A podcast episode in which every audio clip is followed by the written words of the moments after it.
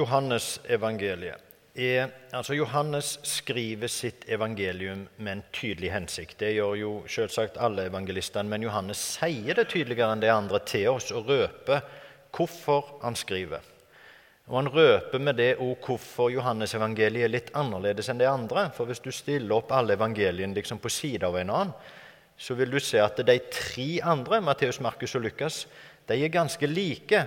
Eh, og du kan og det er bøker som er sånn oppsatt at du kan liksom lese dem parallelt. At du ser hvordan historiene går igjen. og Så var det en liten historie som var hos han ene og ikke hos han andre.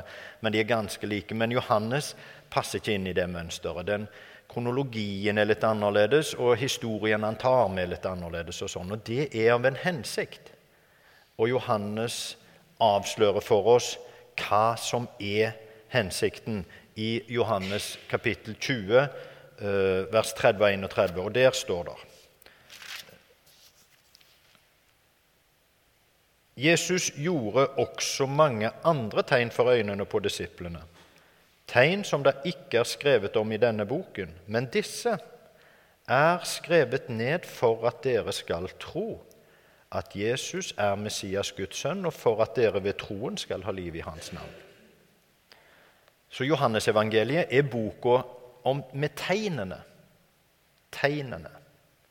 Han har sju tegn som han begynner Og det første i dag med uh, vinunderet Det står uh, Nå fikk vi vel ikke Vi leste vel ikke så langt, gjorde vi det? Uh, I alle fall i kapittel, nei, vers 11 så står det dette det første tegnet Jesus gjorde. Det var i Kana i Galilea. Han åpenbarte sin herlighet, og disiplene hans trodde på ham. Og Så kommer det andre tegnet. og Det er ikke alltid han skriver det andre eller tredje, men det er iallfall sju tegn. Og De sju tegnene det er temaene for de sju kommende gudstjenester. Eller i dag også seks til. Eh, for Johannes skriver 'for at dere skal tro'. Eh, eh, og da trodde jeg det skulle skje noe her. Gjør det ikke det? Der har du de sju ramsa opp som vi skal ha vinunderet, helbredelsen og den, ja, Dere ser de der. De skal vi gå gjennom. Det er de syv tegnene. For at dere skal tro. Og da må vi først snakke om tro. For tro er jo Vi bruker ordet tro på kanskje en annen måte i det daglige talen enn når vi snakker om kristen tro. Og det tror jeg ikke vi skulle gjøre. For eh, til daglig så snakker vi om Hvis du forteller meg noe At jeg var i, i Oslo i helga, og der møtte jeg eh, kongen. Ja, Det var kanskje litt voldsomt. Det var jo ikke helt eh, troverdig, kanskje. Men sier du du så en eller annen kjendis på gata, og så fortalte du det til meg, så sier jeg jeg tror deg. Jeg tror deg. Og Det betyr at jeg er helt overbevist om at det stemmer, fordi jeg stoler på deg. Og det har nok skjedd, det som du forteller.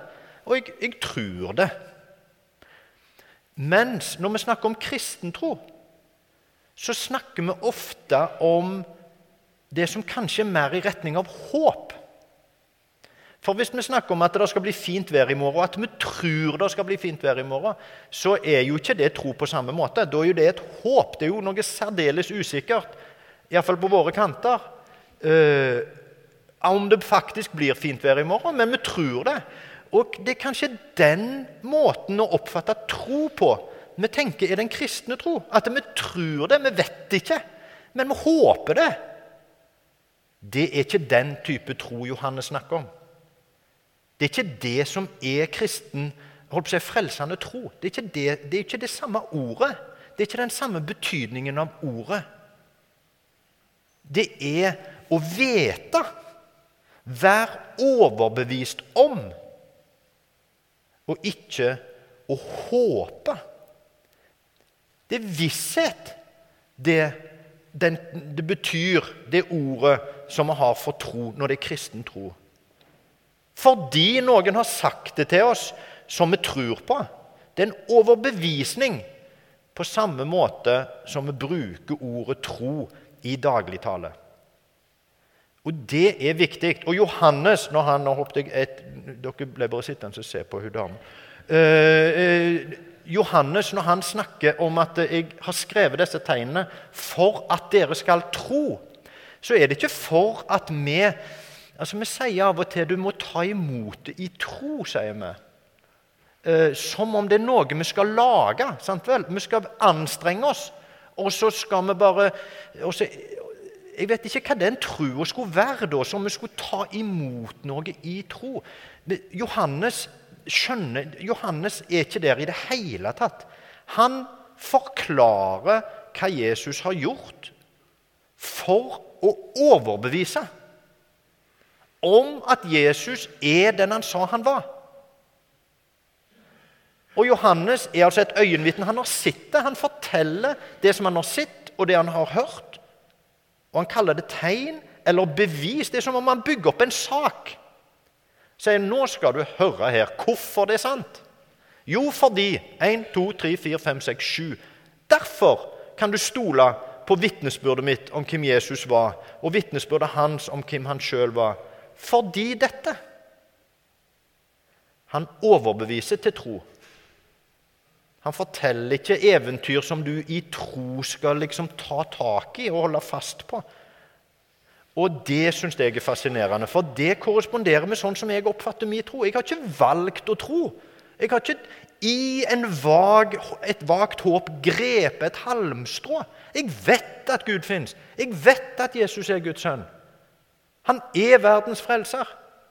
Det er ikke noe jeg kan velge å tro eller ikke. Jeg må velge å forholde meg til det. Fordi det er en sannhet. Og det er det Johannes er opptatt av. Han skal bevise for oss at det stemmer. Så er ikke vi jøder som levde på Johannes' tid. Så Derfor krever det litt forklaring for oss for å skjønne hva, hva er disse bevisene egentlig Men litt om hun dama og hun jenta og dette. Fordi hvor mange er det ikke som vokser opp Og dette er i alle fall historien på våre kanter. Som vokser opp i ei barnetro, i en, i, i en tro og i et kristent uh, miljø. Og så flytter en andre plasser og studerer, f.eks. Og så møter en masse motforestillinger som man aldri har hørt om før. og Masse problemstillinger og masse motargumenter. Og så blir en på en måte snakket ut av det. Så blir en diskutert ut av det, så glipper det. fordi det, ja, det, var jo, det var jo bare et eventyr. Det var jo bare noe som tilhørte barndommen. Det var jo ikke sant. Det var jo bare noen helt naive historier som det ikke går an å tro på i den voksne verden. Så blir en snakket ut av det. Hvorfor mister så mange trua når den blir prøva intellektuelt? Er den ikke blitt en del av vår voksne, reflekterte verden? Tenker vi ikke om Bibelen og bibelhistoriene og om vårt evangelium, om vårt budskap, på samme måte som vi tenker om andre historier vi, hold, vi hører. Tør vi ikke å prøve dem på samme måte som vi prøver andre historiske dokumenter? Skal vi bare liksom legge til side det vi tenker, og bare liksom la det på en eller annen form for naiv måte bare være der? Kan det være at vi snakkes ut av det fordi vi aldri er blitt snakket inn i det? Har vi aldri fått lov å tro det, altså bli overbevist om det, men bare fått beskjed om at bare aksepter det og bare grip det med et eller annet som vi kaller tru? Da er det jo ikke løye at en blir snakket ut av det. Johannes er opptatt av at dette er en sannhet. Det er en historisk Det er historiske hendelser som har en betydning, som, har, som er et tegn, som er et bevis, som viser hvem Jesus var. Når han gjorde vann om til vin, så var det, så var det ikke i første rekke for, for, å løse situasjonen eller for å være snille med de som hadde bryllupet. Det var et tegn, sier Johannes. Det er mye viktigere egentlig enn at det skjedde der i Kana den gangen. Det tegnet det representerer. Betydningen det har for alle mennesker at han gjorde dette. Og de tingene er det vi skal liksom grave i. Og prøve å la bevisene overbevise oss. Og lede oss til en overbevisning som er mye sterkere enn at vi skal gripe noe i en eller annen tro, men vi skal vite. Fordi vi kan stole på Johannes, nemlig. Han har sett det. Han lyver ikke. Han fantes. Det er ikke, det er ikke noen munker på 300-tallet som har lagd det. Det er Johannes som har skrevet det, han som så det. Eller det er mulig han har hatt en skribent, eh, en forfatter, som han har Det har jeg jo alltid ønska meg. En, en som at jeg bare kunne gå. Se for dere det. Dette er min dagdrøm, da. Eh, så får vi se når det realiseres. At jeg kan gå sånn på kontoret mitt. Ja, siter. Preken. Skriv 'Kjære menighet'. sant vel? Og så er det noen som skriver det ned. Det hadde vært fantastisk. Men Johannes hadde sannsynligvis det, da. Men det er hans historie. Det er han som forteller, han som har sett det. Og han forteller det sannferdig for at vi skal tro det. Ok. Så kommer vi til det første tegnet, da, som er vinunderet, som står i Johannes 2,1 11 eller 12. Og det begynner med seks vannkar av stein. 600 liter, var det det? Det, var, det, du, det vet du. Ja. Eh, så bra. Eh, I alle fall så var det Og det står jo, det sier Johannes, det sto seks vannkar av stein der. Slike som brukes i jødenes renselsesskikker. Og hver av dem rommer to eller tre anker. Fyll karene med vann. De var tomme. Og det er en, et, dette er jo et, et, clou for oss, sant vel, at Johannes så tydelig. Det var, jo ikke, det var jo ikke fordi det tilfeldigvis var det de hadde. Sant vel? Da, da mister jo tegnet sin verdi. Det var jødiske renselseskar. Altså Jesus tok det som var den gamle pakt, jødene sin pakt med Gud, som var representert med disse karene med vann, hvor de skulle gjøre sine renselser før de gikk i tempelet og før de ba, og som var tomme. Og så fulgte han dem med vann, og så gjorde han vannet om til vin. Ser dere symbolikken? Det gamle, Den gamle pakt, det gamle avtalen mellom mennesker, mellom Israels folk og Gud, representert ved disse karene med renselsene. Nå kommer Jesus, fyller de gamle karene med noe nytt. Noe bedre. Vannet, renselsesvannet, er den gamle pakt. Jesus kommer med vin. Med gammel, klaret vin. Han kommer med noe nytt, noe bedre. Og det er et sitat eh, fra eh, en som heter Bruce, da, som er en kjent eh, Johannes-tolker. Og Han sier det sånn The water provided for purification as laid down by Jewish law and custom, stands for the whole ancient order of Jewish ceremony, which Christ was to replace with something better. Det er altså vannet som var i disse karene i henhold til jødisk lov og tradisjon. Det står for den gamle pakt, de jødiske seremoniene som Kristus uh, replaced, altså erstatta med noe bedre. Og det er poenget til Johannes. Det er tegnet som beviser at Jesus er Guds sønn. For han kommer, han er Messias. Han kommer til folket. Han kommer til det som er den pakt som er oppretta, men sier jeg skaper noe nytt. Han kommer med noe nytt. Han kommer med vinen, og det peker jo selvsagt framover mot nattverdvinen, som er Jesu blod. Det er det nye. Og det er tegnet i dette underet. Og det er det viktig for oss å skjønne. At, ikke, at ikke Jesus er bare en som kunne gjøre sånne fantastiske ting at vann ble til vin. Det er nå én ting. Men at han gjorde det, og at han brukte disse steinkarene, og det det representerer, det er det viktige.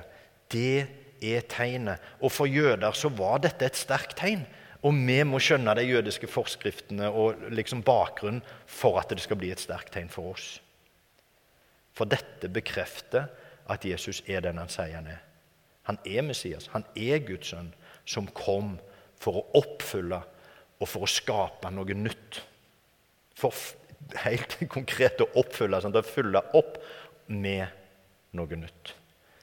Det er det Johannes peker på. Hva er det da i dette for oss?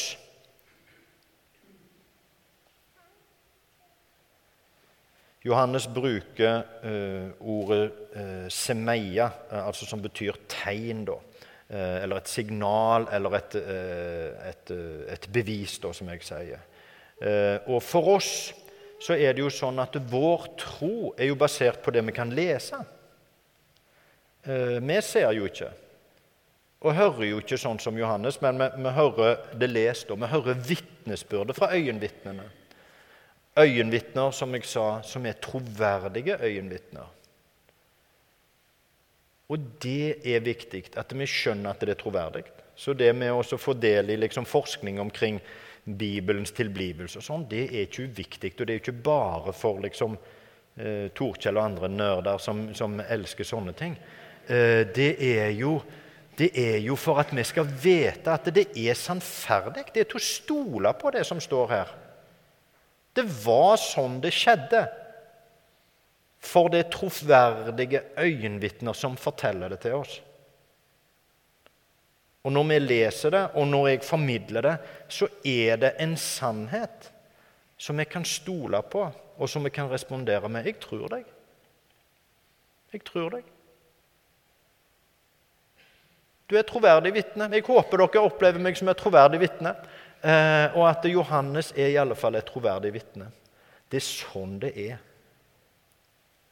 Han er Messias, den levende Guds sønn. Han kom for å oppfylle og skape noe nytt. Og han har gjort det. Og vi har drukket den vinen nå for et lite øyeblikk siden. Som han skapte i de karene.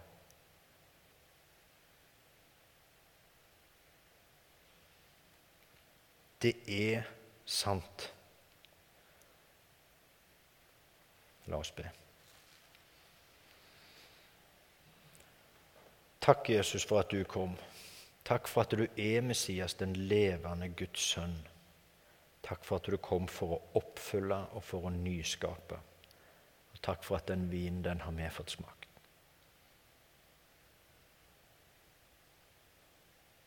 Herre, Skap i oss overbevisning. Skap i oss sikkerhet, tro, sånn at vi kan leve